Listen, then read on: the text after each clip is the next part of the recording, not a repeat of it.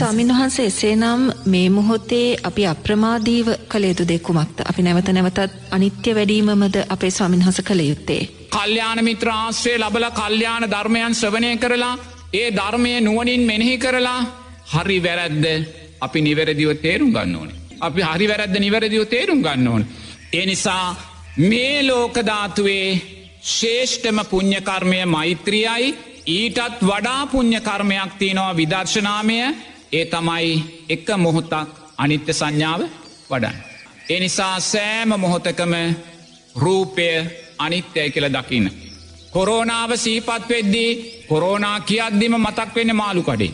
නේද නැත්තං අර අහිංසක දරුවන්ගේ ඇඳුම් ආයතනේ එහම නැත්තන් දැම් පොලිසිය මේවා ගැන හිතන්න යන්න එපා. ඒ සෑම රූපයක්ම සිහිපත් වෙද්දී ඒ රූපය සතර මහාධාතුවක් හැටියට දකින්න. අට්ටික සංඥාවක් හැටියට දකින්න මරණානුස්සතියක් හැටියට දකින්න. එතනින්ගේ හාම ඉරිය උපාත්තන කයක් හැටියට දකින්න. ඊට පස්සේ නිරේතුරුවම ඒ සෑම වේදනාවක්ම. දැන් ඔබ ලබන සෑම දුක්වේදනාවකට ඔබ ගැටෙන් යන්න එපා. ඔබට ලැබෙන සෑම සැපවේදනාවකම ඇලෙන්න යන්න එපා. නිරේතුරුව මේ වේදනාවන් අනිත්‍ය වශයෙන් දකින්න. හඳුනාගැනීම් අනිත්‍ය වශයෙන් දකින්න. මේ වෙනස් වෙන්න වූ වියරු සංස්කාරයන් අනිත්‍යයි කියල දකින්න. ඔබ කොච්චර සුන්දර හිට දවසක් ප්‍රාථනා කළත් බලාපොරොත්තුනාත් ඒ බලාපොරොත්තුව නිත්‍ය වශයෙන් ගන්න එපා. අනේ මේ රෝගේ හෙට සුව වේවා කියල චිත්තයක් සකස් කරගෙන ඊළඟ සිතෙන් ඒ සංස්කාරයත් අනිත්‍යය කළ දකින්න. ඒ සංස්කාරයන් අනිත්‍යනං ඒ සංස්කාරයන් හේතුවෙන් සකස් වෙන දැනීම් විඤ්ඥානයන් අනිත්‍යයිම කියල දකින්න ධර්මානුකූලව නෝනා කොරෝනාවට තියෙන සුන්දර අවෂදේ එකයි. තේන ඒ අවෂදේ තමයි භික්‍ෂූන් වහන්සේලා හැටියට අපිට සමාධ ගත කරන්න තින්. ඔබ විශ්වාසයෙන්ගේ අවෂදේ ගත්තොත් නෝනා මංගේ අවෂදේ අරගෙන ඉන්නේ. මංගේ අවෂදේ අරන් නිසා මන් සමාජයේ විවෘත්තව හැසිරෙනවා මට බියක් නැහැ. මට බියක් නැහැ. මට බියක් නෑ හෙට මට අනතුරක් වුණොත් ඒ මගේ සංස්කාරය. ඒක වලක්වන්න මට නෙමේ බුදුරජාණන් වහන්සේටත් පුළුවන්කමක් නැහැ. එනිසා ජීවිතය විවෘත්තව සංස්කාරයන්ට අතහැරල තියෙනවා අතහැරලා බුදුරජාණන් වහන්සේ දේශනා කලා වූ මාර්ගේස් තුළ සුන්දරව ගමන් කරනවා ප්‍රශ්නයක් මතුවනොත් එක වලක්වන්න පුළුවන් දෙයක් නෙමි. ඒ නිසා ඒ සුන්දර අනිත්‍ය සංඥාව ඔබ අත්වල් බැඳගෙන ජීවිතයට එකතු කරගන්න බැරි වුණත්. ඔබ තනි තනිව ජීවිතයට එකතු කරගන්න. ඒ අනිත්‍ය සංඥාව වඩනවා වගේම රජය විසින් සෞඛ්‍යන්ස විසින් යම් නිවැරදි චර්යාවක් දේශනා කල්ල තිනොනම් මේ විදියට හැසිරෙන්න. මේ විදියට අතපය සෝදන්න මේ විදියට මූුණු ආවරණය පලදන්න මේ විදියට සමාජය තුළ හැසිරෙන්න ඒවාට ගරු කරන්න. මොකද අනිත්‍ය සංඥා වඩන කෙනා ආර්යෂ්ඨාංගික මාර්ගය වඩන කෙනෙක් එයා තෙරුවන්ට ගරු කරන කෙනෙක් එයා තෙරුවන් කරේ සද්ධාව තියෙන කෙනෙක් බුදුරජාණන් වහන්සව හිතන කෙනෙක්. බුදුරජාණන් වහන්සේ අපිට කියලතිී නොනන් රජය පනවන නීතිවලට ගරු කරන්න කියලා. එක විනයගරුක පුරවස්සයෙක් හැටියට අපි කළ යුතුයි. එනම් ඔබත් විනයගරුක පුරවැසියෙක් බවට පත්වෙන්න වෙනවා. ඔබ තෙරුවන් කෙරෙයූ සද්ධාව තුළ තින්නවා මොකොද පුතේ මේ ප්‍රශ්නයෙන් බලවත් අපකීර්තියක් සම්මා සම්බුද්ධ ශාසනයට වෙනවා. එහි වගකීම අපි භාරගන්න ඕනේ. බලපතල වූ සම්මා සම්බුද්ධ ශාසනය ආත්ම ගරුත්වය අපි විනාස කල්ල දාලතිනවා. දෙයනේ කෝ මේ උතුම් ධර්මය ශක්තිය. කෝ මේ සංඝයාගේ උතුම් සුපටිපන්න ගුණය. කෝ මේ සංඝයාගේ උතුම් උජු පටිපන්න ගුණය. කෝ මේ සංඝයාගේ උතුන් ඥාය පටිපන්න සාමිචි පටිපන්න ගුණය. කෝ මේ ජනතාවගේ ආර්යෂ්ඨාංගික මාර්ගයේ ශක්තිය. කෝ ජනතාවගේ විදර්ශනා ශක්තිය. එහෙම තිබ්බනන්න ඕන මේසා රාජික භාවයකට රටක් පත්වෙන්න පුළුවන්කම නැහැ. ඉති එවැනි තත්ත්වයන් තුළ අපෙන් ප්‍රශ්න කරනවා. ධර්මයේ ශක්තියක් නැද්ද. මේ පිරිත්වල ශක්තියක් නැද්ද. මේ පින්කම්වල ශක්තියක් නැද්ද. මේ සංඝයාට මේ ශක්තිය ගන්න බැරිද.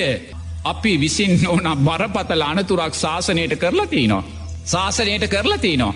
එනිසා අපි ඒ අනතුර දකින්න ඕන මේ අනතුර අපි කරලා තියනවා සම්මා සම්බුද්ධ ශාසනය ආත්ම ගරුත්වයට බරපතලාකාරයෙන් අපි පහරක් එල්ල කරල තියෙනම් නොන.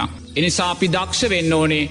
බුදුරජාණන් වහන්සේ අපෙන් යම් විනයක් බලාපොරොත්තුනා නං අපෙන් යම් සුපටිපන්න ගුණයක් උජු පටිපන්න ගුණයක් ඥාය පටිපන්න ගුණයක් සාමිචි පටිපන්න ගුණයක් බලාපොරොත්තුනා නං ඒ ගුණයන් තුළ ශක්තිමත් වෙලා ඒ ශක්තිය සමාජයට දෙන්න.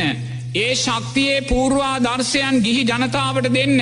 ඒ ගිහි ජනතාව තුළ වැඩනේ උතුම් පූර්වා දර්ශයන් තුළින් ඒ අයගේ කුසල් ශක්තිය ශක්තිමත් කරන්න.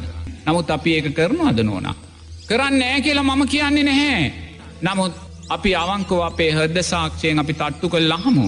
මං පසුගිය දවසක පැයක වගේ ධර්මදේශනාවක් කලා ගිහිල්ල පන්සලක. ඒ පන්සලක ධර්මදේශනාවක් කරලා බණ ඉවර කල්ලා මං ඇස් දෙ කැරල බලන්නකොට සාධකාර මධ්‍යේ මහත්තේ කටපිරිකරක් ගෙනල්ල පූජ කරන. ඒ අටපීකර තියාගනාවේ ලොකු ට්‍රේක බන්දේසියක. මැද්දේ අටපිරිකර තියෙනවා මේ ට්‍රේක පුරාම සීය කොලයි පණහ කොලයි සල්ලි කොළ පුරෝලා. සම්මාධිත්‍ය අඩනවා පුතේ. සම්මා සංකප්පා අඩනවා. සම්මා වාචා කම්මන්තෝ ආජීවයන් අඩනවා. මේ උතුම් ධර්මතාවයන් අඩද්දී අපි සාධකාර දෙනවා. අර අට පිරිකර පූජා කරනකොට අපි සාධකාර දෙනවා. නමුත් මම දකිනවා මනසින් දෙයනේ ඔබලා සාධකාර දෙද්දි සම්මා දිට්්‍ය අඩනවා. සම්මා සංකප්පාණ්ඩනවා. සම්මා වාචා කම්මන්තෝ ආජීවයන් සම්මා සති සම්මා සමාධී අඩා වැටෙනවා කර කියා ගන්න දෙයක් නෑ කියන්න කෙනෙක් නෑ. ඒ නිසා මේ ගොල්ලො අඩා වැටෙනවා. එනම් පුතේ සංග සමාජයේ අපි දක්ෂවියතුයි එන්නාද. මීට වඩා ශක්තිමත් නායකත්වයක් සම්මා සම්බුද්ධ ශාසනයට දෙන්න. මේ රටේ ජනතාවට දෙන්න. මේ රටේ රජයන්ට දෙන්න. මොකද ඒ තැන දුර්වල වුණොත් සංග සමාජය අවුල්ලුනොත් සමස්ත සමාජයම අවුලක් බවට පත්වෙන. එන්න සමස්ත සමාජ මේ කාගෙවත් වැරදිමං කියනවා කවරු හරි හිතනවනන් දෙයනේ මංකාගේ හරි වැරද්දක් කියනවා කියලා මන් දෑත් දෙක එකතු කල්ල මට සමාවෙන්න කියන කාරණය කියනවා මට දේරණ දේ මංකතා කරන්නේ මෙතනදික් මම කොතනකවත් පුද්ගල සංඥාවක් ඉලක්ක කරන්නේ නැහැ. මෙතනදි මං ඉලක්ක කරන්නේ පටිච්ච සමුපාදය මොකක්ද පටිච්ච සමුපාදය සංස්කාරපච්චයා විඤ්ඥාන. සංස්කාරට අදාළවයි අපේ දැනි සකස්වෙන්නේ. එනිසා මගේ ඉලක්කය සංස්කාර සංස්කාරවලට හේතුව කුමක්ද අවිද්‍යාව. එනම් මං මේ කතා කරන්නේ අවිද්‍යාවේ වියරුව ගැන පමණක්මයි. පුද්ගල සංඥාවක් මෙතන නැහැ. එනිසා මේ අවිද්‍යාවේ වියරුව හඳුනගන්න. බුදුරජාණන් වහන්සේ මේ උතුම් චීවරය අපට භාර කළේ මහා වගකීම් සමුදායක් එක්කයි. මේ මුළු ලෝක ධාතුවටම සුගතිය ගැන කියල දෙන්න පින ගැන කියල දෙන්න නිවන්මාර්ගය ගැන කියල දෙන්න. දෙයනේ උතුම් වගකීම් දරාගෙන අවුරුදු දෙදා සයිසීයක් අපි මේ චීවරය ආරක්ෂා කරගෙන මෙතෙන්ට ඇවිල්ල තියෙනවා. එනිසා අපි දක්ෂවයුතුයි. ඒ වගකීම බුදුරජාණන් වහන්සේගේ ධර්මයට අදාළව. ඒ උතුම් විනය ධර්මයන්ට අදාළව. දුකට හේතුව තුස්නාව කියන ධර්මතාවය හොඳින් සිහියට නගාගෙන. දුක ඇතිවෙන්න හේතුව තුෂ්නාවයි කුමක් කරේ තුෂ්නාවද රූප වේදනා සංඥා සංකාර විඤ්ඥාන කරේ තුෂ්නාවයි භික්ෂුවක් හැටියට මම රූපය කරේ තුෂ්නාව සකස් කරගත්තොත් වේදනා කරේ තුෂ්නාව සකස් කරගත්තොත් සංඥා සංස්කාර විඤ්ඥානයන් කරේ තුෂ්නාව සකස් කරගත්තොත් ඒ මම ප්‍රවර්ධනය කරන්නේ දුකය කියන කාරණය අපි තේරුම් ගන්න. බුදුරජාණන් වහන්සේ දුකේ නිරෝධය උදෙසායි අපිට මේ උතුම් මාර්ගය දේශනා කළේ. දුකේ නිරෝධය උදෙසායි මේ බුද්ධ චීවරය අපිට භාර කළේ. දුකේ නිරෝධය උදෙසා බුද්ධ චීවරය අපිට භාර කරලා තියෙද්දී. අපි ඒ උතුම් බුද්ධ චීවරය දුකේ ප්‍රවර්ධනය උදෙසා උපයෝගී කරගන්නවා නං.